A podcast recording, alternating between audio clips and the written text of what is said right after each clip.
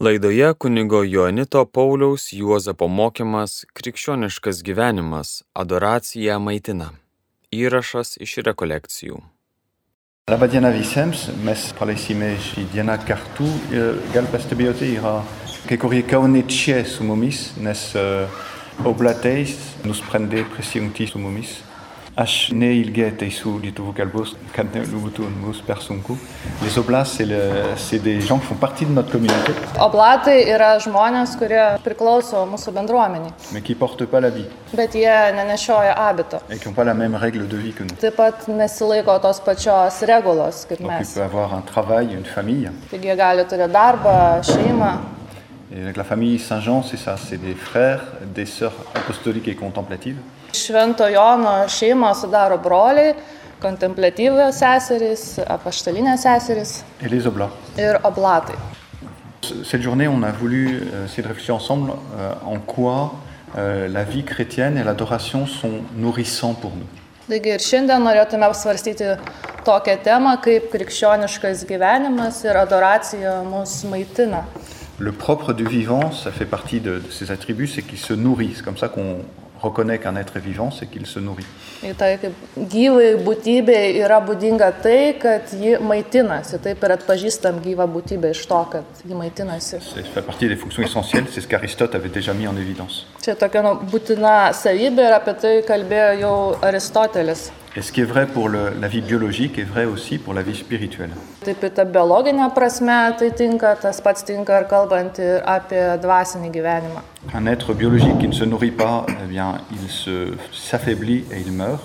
Ir tas biologinis padaras, kuris nesimaitina, tai jis silpsta ir galiausiai miršta. Et notre vie spirituelle, si elle n'est pas nourrie, eh ben, c'est exactement pareil. Elle s'affaiblit et elle peut mourir aussi. Tas pats yra ir su mūsų dvasiniu gyvenimu. Jeigu mes jo nemaitiname, tai jis silpsta ir galiausiai gali mirti, Et pražūti. c'est c'est bon de, de un peu se poser la question en quoi l'Église me donne les bonnes nourritures. Taigi tikrai gera kelti tokį klausimą, kaip bažnyčia mane gerai pamaitina, kokiu būdu mane En quoi pamaitina. l'adoration, c'est nourrissant pour moi, Kaip adoracija mane pamaitina, pour mon âme. mano sielą. Nous sommes, et ça c'est c'est bon de- d'en prendre conscience, on est dans un monde qui crève de faim. Mes gyvenam tokiam pasauliu, kur tikrai alkstama tas alkis didžiulis yra. Alors il y a bien sûr le scandale de la faim dans certains pays ou des famines, Aišku, yra tas tam tikrose šalyse skandalas bado, kad yra trūksta maisto. euh, ces inégalités au niveau des richesses, y compris sur l'alimentation. Yra tokia didžiulė neligybė, ta turtinė neligybė ir tas taikoma, ar kalbant apie tą maitinimosi lygmenį. D'un côté du monde, on gaspille et d'autre côté, on, on manque. Et il y a un scandale de, de- de cela. Iš vienos pusės yra labai daug išvaistoma, o iš kitos pusės yra didžiulis trūkumas. Tai čia tikrai toks skandalas šitoje vietoje. Mais c'est pas de cette faim-là que je veux parler. Bet aš kalbu jums ne apie tokį alkį, C'est vraiment de la faim spirituelle. o apie dvasinį alkį. Et les pays riches meurent plus de faim que les pays pauvres. Ir tos turtingosios šalis labiau miršta iš tokio alkio negu tos neturtingosios šalis. Comment on peut dire ça C'est ben un des indices de la qu'on est en bonne santé, qu'on n'a pas trop de cette faim spirituelle, c'est qu'on manque de joie. Ir kaip tą nustatyti, tai vienas iš tokių rodiklių to dvasinio bado alkio, tai kad trūksta džiaugsmo. Et si vous prenez le métro à Paris, vous voyez surtout des gens qui font la gueule. Ir jei važiuosite metro Paryžiuje, pamatysite daugybę žmonių, kurie taip... e, Alors que si vous įpykę allez dans les pykstasi. bidonvilles de Calcutta, euh, vous voyez beaucoup d'enfants qui, sont, qui ont l'air joyeux malgré la misère dans laquelle ils sont. O jei, pavyzdžiui, Kalkutą nuvyksite, pamatysite gatvėje daugybę vaikų, kurie tikrai atrodo džiaugsmingai, labai linksmi, nepaisant to. C'est Mère tos Teresa qui avait, padėties. qui avait si bien euh, remarqué ce contraste. Ir šitą vat, kontrastą labai gerai pastebėjo motina Teresė. Pourquoi on n'arrive plus à avoir la joie Parce que notre vie spirituelle est anémiée. Ir kodėlgi mums nepavyksta patirti to džiaugsmo, todėl to, kad mūsų tas dvasinis gyvenimas yra visiškai jau taip nukraujavęs. Et c'est beaucoup plus grave, en fait, que la faim du corps, cette faim de l'âme, ce manque de l'âme. Šitas vat, sielos badas, tas trūkumas sieloje yra daug netgi čia sunkesnis negu tas fizinis badas. Notre corps a besoin de pain, on mange tous les jours, Mūsų kūnui reikia duonos, mes kasdien valgome. on mange suffisamment et on a une table bien remplie. Ir matome dabar, vad gerai nukrautas, padengtas stalą. Il y en a un d'entre vous qui me faisait remarquer comme la table au fond euh, correspond bien au thème du jour. Ir kažkas pastebėjo, kad tas vad stalas, kuris yra salės gale, labai gerai atspindi Et mūsų c'est bon. temą. de- C'est bon d'avoir ce sens du, du- de- du- de manger bien, pas dans le sens quantitatif, mais le sens qualitatif. Ir aišku, labai gerai žinoti, kad vat, galime gerai pavalgyti ne tik tą kiekybinę, bet ir kokybinę prasme. Mais notre âme aussi a besoin de nourriture quotidienne et de bonne nourriture, Bet mūsų sieloje taip pat kasdien reikia maisto ir gero maisto. et de nourriture variée et suffisante. Tokio įvairaus maisto ir pakankamo. Alors nous sommes, nous, des, des adorateurs, Mes esam adoruotojai, dans ce sens qu'on aime, on aime passer du temps devant, devant Jésus en silence, devant le Saint-Sacrement exposé. taigi mums čia mums patinka būti priešais Jėzų, priešais išstatytą švenčiausiai sakramentą. Et cette hostie, c'est le, c'est le Seigneur qui est présent, Ostija yra viešpats, kuris yra čia. et sous la forme du pain, donc de ce qui nourrit le corps. Būtent duonos pavydalu tai yra tuo, kas maitina mūsų kūną. Et évidemment, ce n'est pas du tout une coïncidence. Ir tikrai taip yra neatsitiktinai. Le Seigneur veut vraiment qu'on considère qu'il est un pain pour nous, une nourriture pour nous. Viešpats tikrai nori, kad mes jį laikytume duona maistu mums. Et pourtant, il y a un certain paradoxe dans ce pain exposé. Ir tuo pačiu šitoje vat, išstatytoje duonoje matome tam tikrą paradoksą. C'est la nourriture la plus fondamentale et celle dont j'ai le plus besoin pour mon âme. Taigi tai yra maistas, toks pagrindinis maistas, kurio mano sielai labiausiai reikia. Je ne même ceux qui ne croient pas en Dieu, même ceux qui croient en d'autres dieux, eh ben ils ont, ils ont besoin de nourriture spirituelle. Net tie, kurie dievų netiki ar tiki kitais dievais, tai net jiems reikia to dvasinio maisto. Et Dieu leur donne des grâces spirituelles. Ir Dievas suteikia jiems dvasinių malonių, Simplement, ils ne le savent pas. tik jie to nežino. Mais un paradoxe, c'est que ce pain de, de la présence du Seigneur en nous, Taigi tas paradoksas to Dievo duonos, kuris yra mumise. il, me, il nourrit ma faim, mais il me donne encore plus faim. Jis tą mano alkį patenkina, bet kartu sukelia dar didesnį alkį. En ce sens que je vois mieux et je comprends mieux les besoins de mon âme. Ta prasme, kad aš labiau matau ir suprantu savo sielos poreikius. Et C'est exactement comme l'amour. Plus j'aime quelqu'un, plus j'ai envie d'être avec lui. Čia tas pats, kas su meilė. Kuo labiau myliu kažkokį asmenį, tuo labiau noriu su juo būti. Et précisément parce que c'est secrètement l'amour du Seigneur qui nous attire.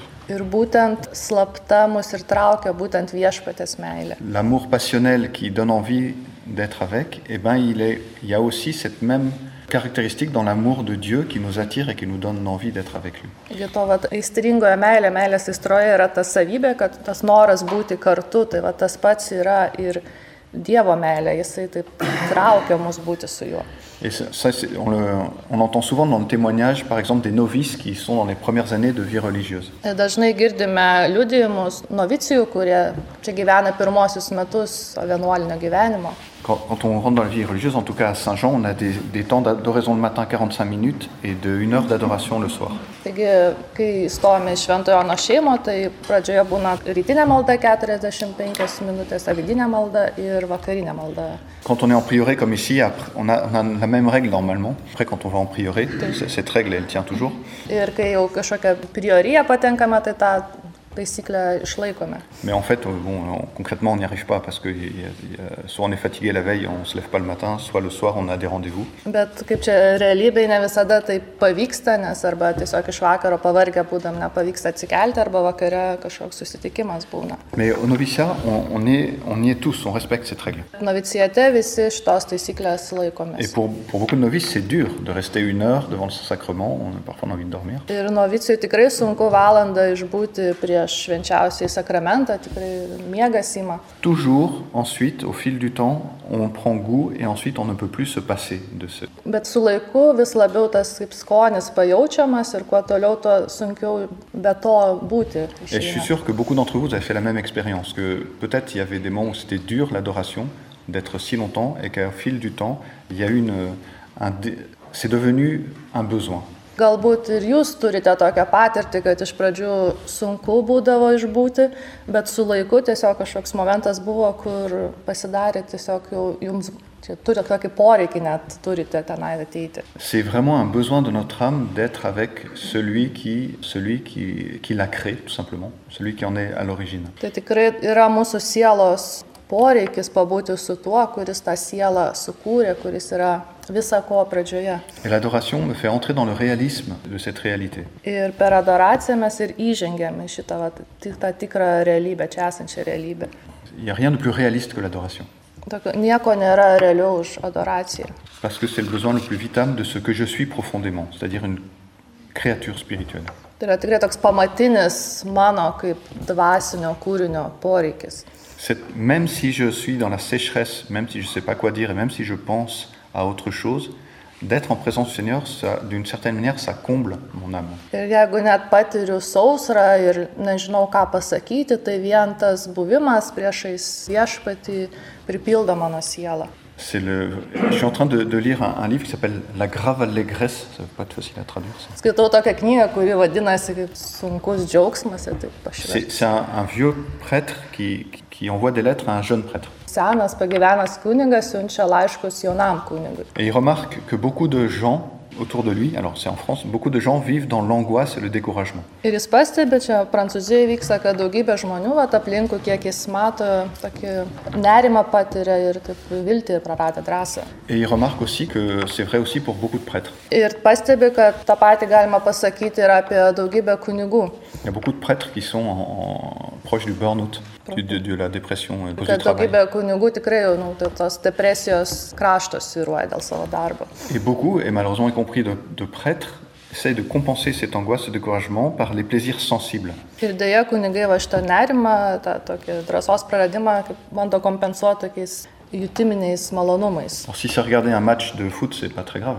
Aišku, pažiūrėti futbolo rungtynės, tai nieko tokio. Mais c'est- blogo. après, c'est difficile de trouver le- la juste, euh, de trouver un bon équilibre entre le repos, qui serait un faux repos, et puis la bonne santé. Aišku, tikrai sunku surasti tą pusiausvyrą tarp to tokio polsio, tokio neteisingo polsio ir tos sveikatinimuose. Et c'est difficile de prendre la, la juste mesure entre qu'est-ce qui est du, du repos nécessaire à mon corps qui est fatigué, Tikrai sunku įvertinti va, tą pusiausvyrą, rasti kokio polsio reikia mano pavargusiam kūnui. ou alors un repos qui vient du découragement, de la tristesse, euh, qui n'est pas un vrai repos en fait. Je me repose, mais c'est une fuite de, des difficultés de, de la journée. Ar tai toks polsis, kad tiesiog aš bėgu nuo vat savo to liūdėsio, nevilties, tiesiog vat, bėgimas. Et ces plaisirs sensibles, alors s'ils ne sont pas le, le juste repos du corps, ils deviennent, ils deviennent euh, dangereux. Tikrai, va, tie jutiminiai malonumai, jeigu tai nėra tikrai va, skirta tik kūno polisui, tai jie tampa pavojingi. On boit pour oublier qu'on a soif, Gerime, kad pamirštume, kad jaučiame troškulį. mais plus on boit, plus on a soif, Bet kuo daugiau gerime, tuo labiau trokštame. sans connaître l'origine de cette soif. Ir taip ir nesuprantame, o iš kur tas troškulys ateina. Puis on rentre dans un cercle infernal. Ir taip užsisukam tokiam nelentam rate. C'est lucide d'être, c'est important d'être lucide sur cette société dans laquelle on vit, Tikrai svarbu labai taip aiškiai blaiviai žvelgti į tą visuomenę, kurioje mes dabar gyvename. qui nous inonde et nous abreuve de propositions de plaisirs variés. Mes esam užtvindyti tokių įvairių malonumų pasiūlymais. Séries télévisées, les jeux, les distractions. Televizijos serialai, žaidimai, visokiausios pramogos.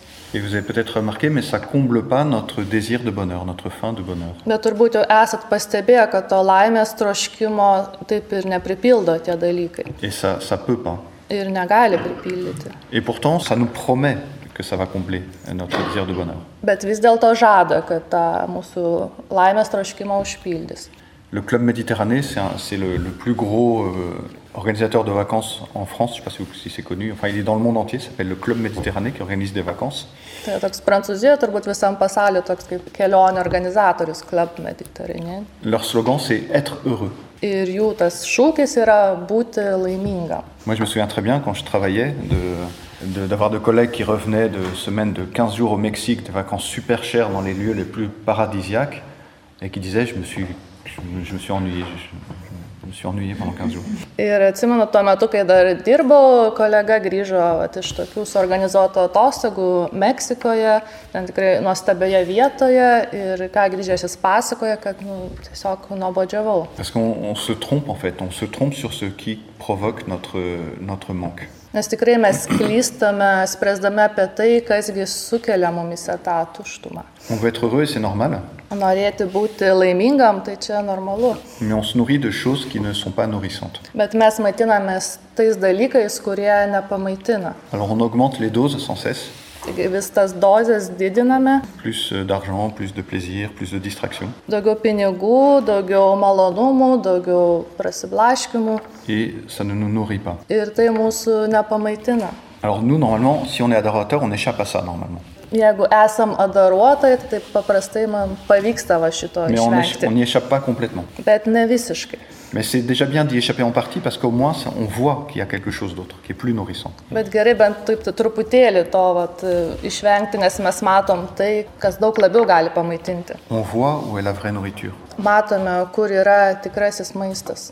Et les Écritures nous parlent à de multiples reprises de la bonne nourriture. Ir šventajame rašte tikrai daugybėje vietų mums yra kalbama apie tą gerą maistą. Dans les psaumes, c'est le Christ qui mène sur les gras pâturages. Ir psalmėse rašoma, kad Kristus veda mus į tas e, vešles pievas. On est ces petites brebis et Jésus, il sait où il faut nous emmener pour qu'on trouve à manger et qu'on soit bien gras. Taigi mes esam tos avelės ir Jėzus tikrai gerai žino, kur mus nuvesti, kad gerai pasimaitintume ir tikrai tokios i- įmitusios būtume. C'est important qu'on soit bien gras, Tikrai svarbu, kad būtume tokios riebios įmitusios, mais gras spirituellement. bet dvasinė prasme.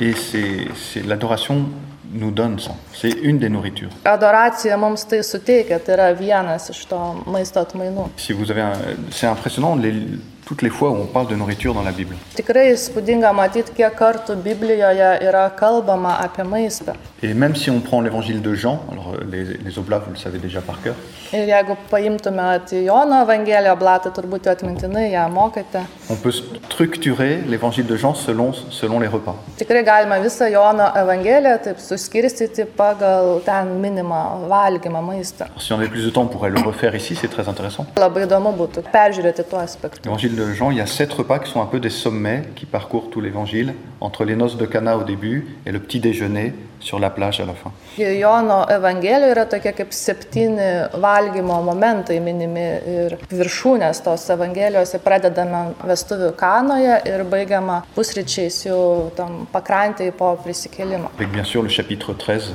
le, le repas de la Seine au milieu. Ir aišku, 13 skyrius, kur yra prašoma paskutinė vakarienė. Le repas de l'Eucharistie, dont tous les autres sont d'une manière ou d'une autre un peu une préfiguration. Visi tai yra vienu ar kitu būdu eucharistinio maisto toks provaistis. Et puis il y a cette parole que, les, que Santa et Birouté ont choisi pour ce, pour ce thème, c'est la- dans Luc 15, chez mon père il y a du pain en abondance. Taigi ir šitie žodžiai tai šios dienos temai, tai yra Šluko Evangelijos 15 skyriaus, pas mano tėvą duonos apšiai. Vous connaissez par cœur, mais je vous rappelle le passage. Gal ir mintinai žinote, bet priminsiu. Tai Donc Luc 15. Luko Evangelija 15 skyrius. Kei visca išleido, toje šalyje kilo beisus badas. Iris, donc c'est c'est le fils prodigue. hein. Čia aš sūnus palaidūnas. Iris pradejo stokoti. Tada nuejo pas vienas šalies gyventoja ir stojo jam tarnauti. Tasei, jį pasiuntė į laukus kiolų ganyti. Jis gaidė prikimšti pilvą bent anksčiau jo valo, kurie de kiolės, tačiau neto jam neduodavo. Tada susimastė ir tarė, kiek mano tėvo samdinių apčetori duonos, o aš čia mirštu iš bado. Kelsius, eisu pas teva ir sakisu teve nusideo danguirto, nesu vertas radintis tavo sunumi. Prink mane ben samdiniu, jis pasirijo ir escaleavo pas teva. Et après, le père l'accueille non pas comme un serviteur, mais comme un fils. Ir tėvas po to jį pasitinka prie mane kaip tarna, bet kaip sūnų. Et lui fait un repas royal, il tue l'agneau, pour, il tue le- le- la bête pour lui faire un- un festin. Tikrai tokia karališka puota surengia tam, paskerdžia gyvulių tam, kad paruoštų tą maistą. Le fils prodigue, c'est celui qui croit qu'il n'a pas besoin de Dieu. Tai sunus palaidūnas yra tas, kuris mano, kad nu, jam Dievo nereikia. Il vivait, il a vécu avec son père, il ne manquait de rien quand il était chez son père. Net gyvendamas pas tėvą jis tikrai nieko nestokojo Et il croit, il ne voit pas qu'il a besoin de son père. Ir, nu, bet jis nesupranta, kad jam to tėvo reikia. Il voit pas que tout ce qu'il a, il le- il l'a parce qu'il est, c'est son père qui le lui donne. Ir nesupranta, kad visa tai, ką turi, tai turi tik dėl to, kad jam tai duoda tėvas. Et quand il quitte son père, ça a l'air de se passer très bien, mais en fait, il comprend pas qu'il vit sur une réserve. Ir kai jis tą tėvą palieka, išeina, iš pradžių atrodo, kad viskas čia labai gerai klostosi, bet jis nesupranta iki galo. Il vit sur une réserve qui s'épuise. Gyvena iš tokių kaip čia santopų, tokio rezervo, kuris vis senka. Et il en vient à, à se dégrader, à s'affaiblir, et il tombe au niveau des cochons. Taigi ir vis taip e, ritasi žemyn, kol pasiekia jaulių lygmenį. En fait, c'est une très grande chance. Ir Tai iš tiesų tokia nu, didžiulė galimybė. C'est une grande chance parce qu'il a une occasion de découvrir la misère dans laquelle il est. Tai didžiulė galimybė todėl, kad jis gali susivokti, vat, e, kokioj vargingoj padėtyje atsidūrė. Les fausses nourritures ont disparu et il ressent la faim. Il éprouve la faim. Taigi dinksta visas tas vat, netinkamas maistas ir jis pajaučia, pradeda jausti alkį badą. C'est pour une mauvaise raison qu'il veut retourner chez son père, c'est parce qu'il a pu, il a pu à manger. Ir pas tėvą jis nori sugrįžti dėl tokių nu, kaip ne visai tinkamų priežasčių, dėl to, kad yra alkanas. Et c'est le- c'est la chance qu'il a, parce qu'il y a beaucoup de gens qui n'ont pas cette chance, dans ce sens qu'ils sont tellement abreuvés de mauvaise nourriture qu'ils ne ressentent plus la faim des bonnes nourritures. Taigi vat, jis turi tą šansą, kuris netenka daugeliu žmonių, kad būtent pasijusti tokioj padėti, kad supranti, kad jau nebegali pasimaitinti tuo maistu, kurį turėjai iki šiol. Et nous aussi, on est invités, c'est ce qu'on veut faire en adorant, à aller vers le Père. Ir mes irgi esame kviečiami ir adoruodami eiti pas tėvą. Et chercher qu'est-ce qui va nourrir notre âme. ir stengti suprasti, kasgi pamaitins mūsų sielą. Alors on peut distinguer trois nourritures. Ir galim įvardinti tokius tris maistus. Ah, J'ai j'ai voulu en illustrer deux, mais la troisième, je ne savais pas comment l'is- l'illustrer. Nežinau, kaip trečią apibūdinti. La première, c'est la parole de Dieu. Pirmas e, Dievo žodis būtų. La deuxième, l'Eucharistie, donc le- le pain. Antrasis tai Euharistija, tai yra duona. Et la, la troisième chose qui nous nourrit, c'est la, vo- la volonté, faire la volonté de Dieu. Ir trečias mus maitinantis dalykas tai vykdyti Dievo valią. C'est Jésus lui- lui-même qui le dit euh, au chapitre 4 de Saint Jean, Ma nourriture, c'est de faire la volonté de mon Père. Ir Tai pats Jėzus Jono Evangelijos ketvirtame skyriuje pasako, kad mano maistas yra vykdyti tėvo valią. Alors on va expliquer évidemment comment faire la volonté du Père, c'est une nourriture. Ir aišku, paaiškinsime, kaipgi tas tėvo valios vykdymas gali būti ir yra maistas. Ça c'était l'introduction. Tai čia buvo įžanga, Et maintenant on va se mettre à table. o dabar jau eisim. C'est quoi cette nourriture Taigi, kas yra tas maistas? Cette journée on aurait pu l'appeler Venez à table. Ir galėjom pavadinti šitą dieną ateikite prie stalo, Mais c'était plus biblique de mettre ça. bet labiau biblinis toks pavadinimas. Et cette table, elle, euh, la première chose à dire, c'est que, à rappeler peut-être, c'est qu'elle n'est pas placée n'importe où. Ir pirmas dalykas, kurį reiktų priminti, kad tas vat, stalas jis nu, nėra bet kur pastatomas. Cette table, elle est dans l'église. Šis stalas yra bažnyčioje. Tout ce que- les bonnes nourritures que je reçois, je les reçois par l'Église. Taigi visas tas geras, tinkamas maistas, kurį gaunu, tai jį gaunu per bažnyčią. Et même quand on va adorer, eh ben c'est un acte de l'É- pas seulement parce que c'est dans une chapelle à côté de l'Église, mais c'est par l'Église que l'on devient adorateur, que l'on peut adorer. Taigi net kai einam adoruoti, tai ne vien dėl to, kad ta koplytėlė va čia yra bažnyčia, bet būtent, kad per bažnyčią mes galime adoruoti. C'est Dieu qui nous donne la possibilité d'adorer. Tai Dievas mums suteikia galimybę adoruoti. C'est un aspect euh, important qu'il faut prendre en compte, cet aspect ecclésial, nourriture que l'on reçoit. Tikrai labai svarbu turėti galvoje šitą vat, bažnytinį aspektą, kalbant apie maistą. On va quelque part. Mes einame kažkur. Alors malheureusement, cette Église, elle a été confiée par Dieu à des hommes. Deja, ta bažnyčia Dievo buvo patikėta žmonėms Elle est entretenue par des hommes. ir ją kaip palaiko, palaiko gyvybę žmonės. Donc elle a des défauts et des laideurs, cette Église institutionnelle. Taigi jinai tikrai turi trūkumų šitą bažnyčią kaip instituciją. Et pourtant, euh, eh bien, les bonnes nourritures, elles viennent de Dieu et c'est Dieu lui-même.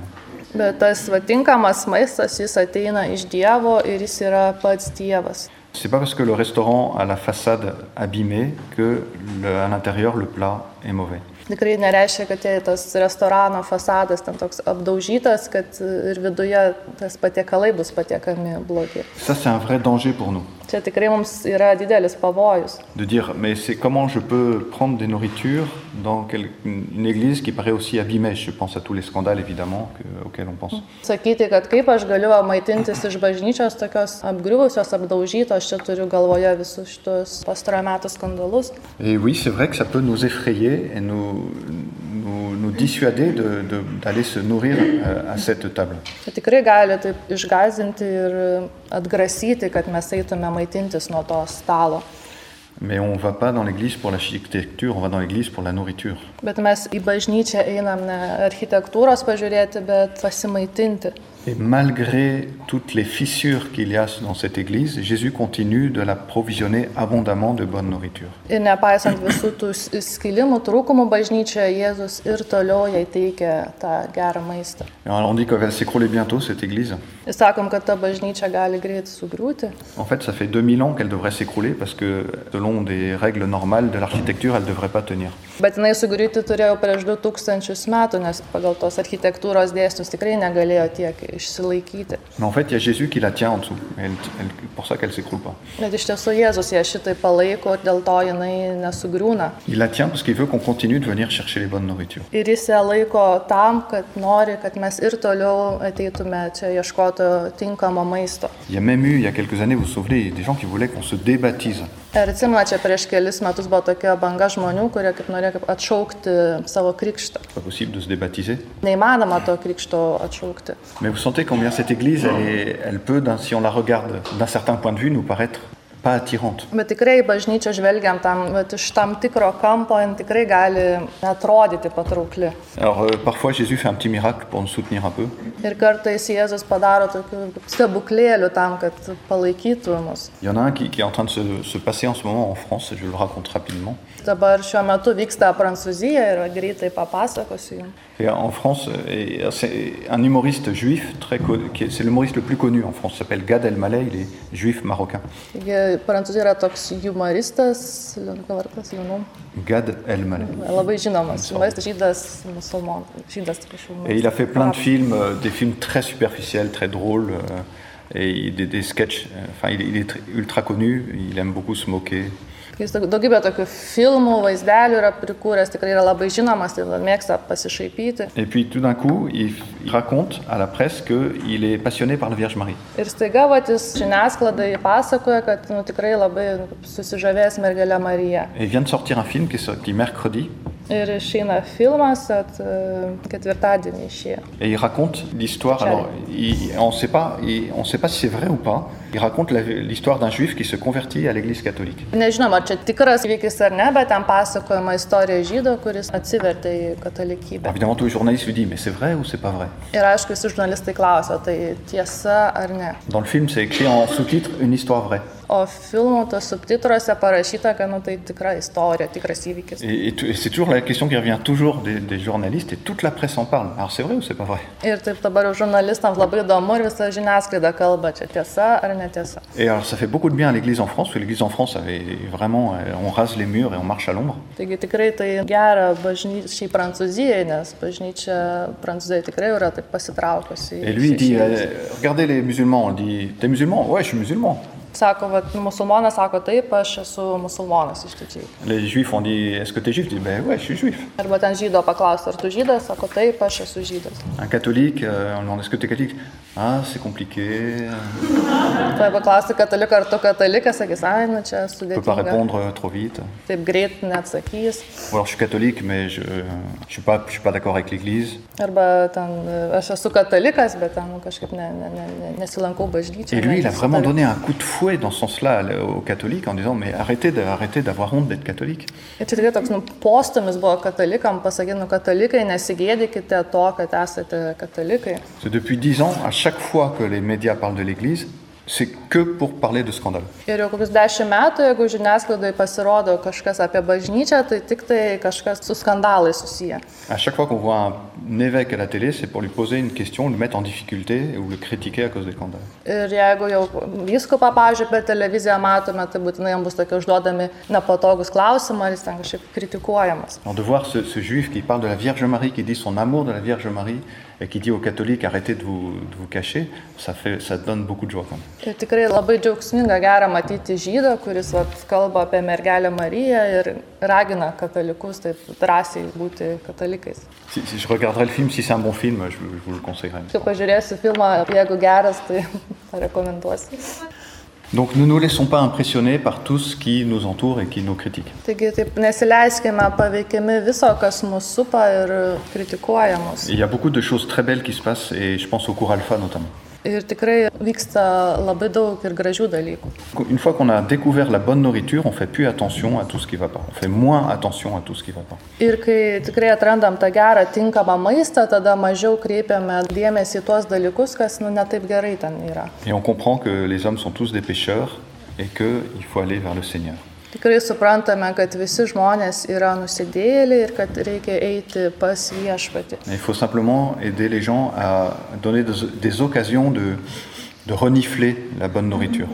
Tikrai e, reikia suteikti žmonėms vis naujų galimybių tą atrasti tą gerą maistą. Quand on užuosti. sent une odeur de bon pain chaud, on a envie de s'approcher. Taip, kai užuodžiam tikrai tos skanios šviežios duonos kvapą, tai tikrai turim tą norą prieiti arčiau. Et de nous approcher de l'adoration, de manger ces bonnes nourritures, ça nous fait, normalement on devrait dégager cette odeur, une bonne odeur, qui font, qui attire les autres, même si on s'en rend pas compte. Ir kai tikrai vat, einam adoruoti, kai tikrai einam maitintis e, tą duoną, net ir jie nesuvokia, mes tikrai padedam skleisti vat, gerą, tinkamą maisto kvapą. C'est pour ça qu'il y a un vrai engagement. Alors je sais que beaucoup d'entre vous sont engagés dans, dans les sacrements. Il y a un vrai engagement dans la préparation au sacrement. Ir tikrai čia įsipareigoti būtent dalyvauti tam sakramentinėme gyvenime. Žinau, kad dauguma iš jūsų tikrai tą darote.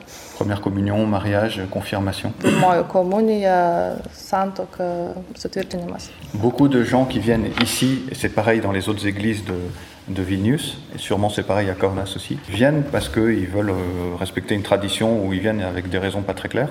Dauguma žmonių, kurie at- čia ateina ruošti sakramentams, tiesiog dažniausiai nori laikytis tradicijos ir gal tie motyvai jiems patiems nėra labai aiškus. Et ils, ont le- et ils découvrent qu'il y a quelque chose de bon. Bet pamato, kad čia yra nu, kažkas gero tame. Et ils veulent ensuite goûter à ces bonnes choses. Ir po to jie pajunta norą paragauti tų gerų dalykų. C'est comme que c'est, par exemple pour le mariage, quand on, on voit des gens qui n'ont absolument pas la foi, Ir, pavyzdžiui, vat, santokos atveju matome žmonės, kurie tikrai nu, visiškai nėra tikintis. ben on, on les accueille quand même parce qu'on est d'abord on est heureux de, de- de leur projet de mariage, et puis aussi parce qu'on on veut leur donner une occasion de sentir cette bonne nourriture et d'y goûter. Bet tikrai mes juos priimame ir viena iš priežasčių tam, kad jie nusteiktų galimybę paragauti va to gero maisto. Et souvent, on a des, des- des surprises incroyables. Kartais vyksta tokių va, tikrai neįtikėtinų dalykų. Et beaucoup de gens autour de nous meurent de faim sans s'en rendre compte. Daugybė žmonių aplinkui mus miršta iš bado patys to nesuvokdami, Spirituellement. dvasinė prasme. La faim du corps, elle est douloureuse, paraît-il. Moi, je- enfin, elle- quand, on a- quand on meurt de faim. Tas e, kūno badas tikrai yra skausmingas. Il paraît que c'est l'une des pires, la mort de faim, euh, la souffrance due à la faim. Tas nu vienas blogiausių dalykų yra mirti iš bado šitos kančios. C'est ce qu'on a euh, condamné à Saint-Maximin Kolb dans les camps à Auschwitz. Tai kam buvo pasmerktas šventasis Maksimilijonas Kolbė koncentracijos stovykloje. Et le- notre Seigneur a connu cette faim en 40 jours au désert. Ir mūsų viešpats tikrai pažino šitą badą, būdamas 40 dienų dykumoje. Mais elle a quand même un avantage, cette faim. Alors évidemment, dans une certaine limite, c'est qu'elle peut, elle l'aide, c'est la faim du corps, peut nous faire découvrir, est un autre moyen de nous faire découvrir la faim de l'âme. Ir va šitas kūno alkis, badas, aišku, iki tam tikrų ribų gali mums padėti atrasti ir tą esantį sielos alkį. C'est un des sens du jeûne, c'est de- que la faim du corps réveille la faim de l'âme. Čia viena yra iš pasninko prasmių, kad tas kūno alkis, badas pažadina ir sielos alkį. De, de dégager un peu tout ce qui encombre ma prise de conscience que mon âme a faim. Atmesti tuos dalykus, kurie temdo tą mano suvokimą apie tą jaučiamą alkį. Et on voit dans l'évangile comment le démon essaye de, de tenter Jésus avec des nourritures matérielles, transforme ses pierres en pain. Ir matome Evangelijoje, kaip demonas gundo Jėzų nu, patenkinti tą badą, tą materialią prasme, tai jis sako, paversk šiuos akmenis duona. Et c'est exactement ce que fait le démon tous les jours avec nous, c'est qu'il dit mais prends ces nourritures, euh, ces nourritures qui sont en fait pas des nourritures. Ta pati demonas daro su mumis kiekvieną dieną, sakydamas, va, imk valgyk šitą maistą, kas iš tiesų nėra maistas. T'es un peu déprimé, ben, prends un verre de whisky. Tu esi kažkiek nusiminęs, tai išgerk viskio taurę. Ta femme est fatigante, ben, va, va voir une autre femme. Pavargai nuo savo žmonos, tai susitik su kita moterim. Jésus avait faim, il aurait pu régler son problème. Euh, Il aurait pu transformer ses pierres en pain. Ir Jėzus va, tikrai turėjo galios paversti tos akmenys duona, galėjo išspręsti tą problemą. Et c'est là qu'il répond, l'homme ne vit pas seulement de pain, mais de toute parole qui sort de la bouche de Dieu. Bet jis atsako, kad žmogus gyvas ne vien duona, bet ir kiekvienu žodžiu, kuris išeina iš viešpatės lūpų. Et c'est vraiment une nourriture de faire la volonté de Dieu. Ir tikrai tai yra maistas vykdyti Dievo valią. On s'en nourrit, alors comment on s'en nourrit Mais bien par les Saintes Écritures précisément. Ir kaip maitinamės, tai apie tai kalbama šventajame rašte. Si on peut, c'est bon de le faire chaque jour. Skaitant šventąjį raštą ir jeigu galime, galim, kasdien būtų gerai tą daryti. Si on peut pas, c'est bon de le faire chaque jour aussi. Jei negalime, tai irgi gerai kasdien. Enfin, je veux dire, on- si on veut, on trouve le moyen de lire chaque jour un peu la parole de Dieu. Tai yra noriu pasakyti, kad jei tikrai norime, tai tikrai rasime kasdien būdų, kaip paskaityti Dievo žodį. C'est pas- un truc qu'on entend assez régulièrement en confession. C'est, euh, bah, je sais pas quoi dire, j'ai j'ai rien fait. Per išpažinti dažnai girdime tokius žodžius, kad nežinau, ką pasakyti, aš kaip nieko nepadariau. Alors, je pense qu'il veut dire, j'ai pas fait de choses graves, j'imagine. Manau, kad norima pasakyti, kad nu, nieko blogo nepadariau. Mais des choses pas graves, on en fait toutes les, toutes les 15 secondes.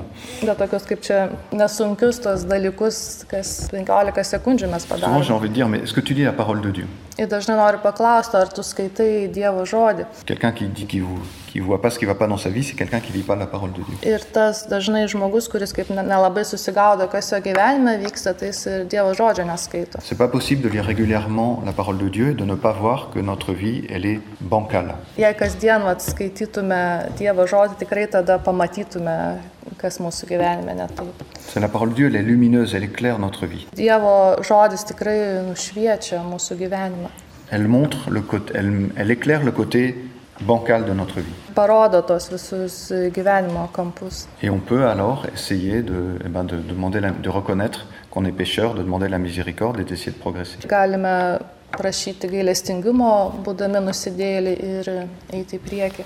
Il y a la nourriture aussi que le- Jésus appelle le pain de vie, le pain du Père, qui est le corps même de Jésus. Taip pat yra toks maistas, kurį Jėzus vadina gyvybės duona, tai yra pats Jėzus. C'est tout le chapitre 6 de Saint Jean, c'est le plus grand chapitre, peut-être un des plus grands chapitres de la Bible. Tai visas 16 Jono Evangelijos skyrius, labai ilgas skyrius, galbūt pats ilgiausias visoje Biblijoje. Hein, Je l'ai longuement commenté avec les Oblats il y a quelques années, ce chapitre 6, Prieš keletą metų su oblatais labai iš- išsamei e, jį nagrinėjome. qui nous parle de plus de 70 versets, je crois. Ir ten apie vairius dalykus kalbama. Ce chapitre 6 qui nous parle du corps, tout le chapitre est sur le corps de Jésus comme nourriture, Taigi visame tame skyriuje kalbama apie Jėzaus kūną kaip maistą. qui est une nouvelle nourriture qui vient du Père et qui donne la vie. Tai yra naujas maistas ateinantis iš tėvo ir teikiantis gyvybę. Et c'est très explicite. Ir labai aiškiai tai pasakyti. C'est pour ça que les, les protestants, ils font, un, ils font un bug avec le chapitre 6, parce que c'est tellement clair que on- on- c'est difficile de, de passer dessus. Dėl to protestantams, kaip čia sunku su to 16 skyrium, nes ten nu, labai aiškiai viskas pasakyta. Et Jésus dit, c'est mon Père qui vous donne le pain du ciel, le vrai. Ir Jėzus sako, tai mano tėvas, kuris duoda jums duonos iš dangaus, tikrosios duonos. Et il le redit plusieurs fois. Ir pakartoja tai kelis kartus. Et qui mange mon corps et mon- boit mon sang à la vie éternelle. Il le dit aussi plusieurs fois. Taip pat kelis kartus kartojama, kad tas, kas valgo mano kūną ir geria mano kraują, turės amžinai gyvenimą. Qui mange de ce pain vivra à jamais. Tas, kuris valgys šios duonos, gyvens amžiais. Donc on peut pas, c'est- il faut- on peut pas, on peut pas interpréter différemment. Kažkaip kitokia interpretacija net nebūtų galima. Et c'est, c'est, euh, c'est ce même pain que devant lequel on se met à genoux une heure par semaine, deux heures par semaine, trois heures certains d'entre vous par semaine. Tai ta pati duona, prieš kurią mes atsiklopiam kiekvienas iš jūsų valandą per savaitę, dvi ir kai kurie tris valandas per savaitę.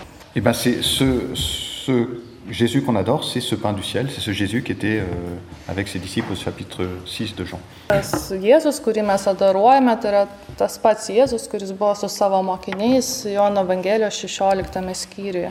Et quand on fait la prière de- avant la reposition du Saint-Sacrement, avec l'encens normalement, Kai meldžiamės prieš išstatydami švenčiausią sakramentą ir dažnai ir s- smilkoma, c'est les, les mots, c'est le pain du ciel, il leur a donné le pain du ciel. ir tie žodžiai yra, kad jums buvo duota duonos iš dangaus. Panem de cello prestitisti eis.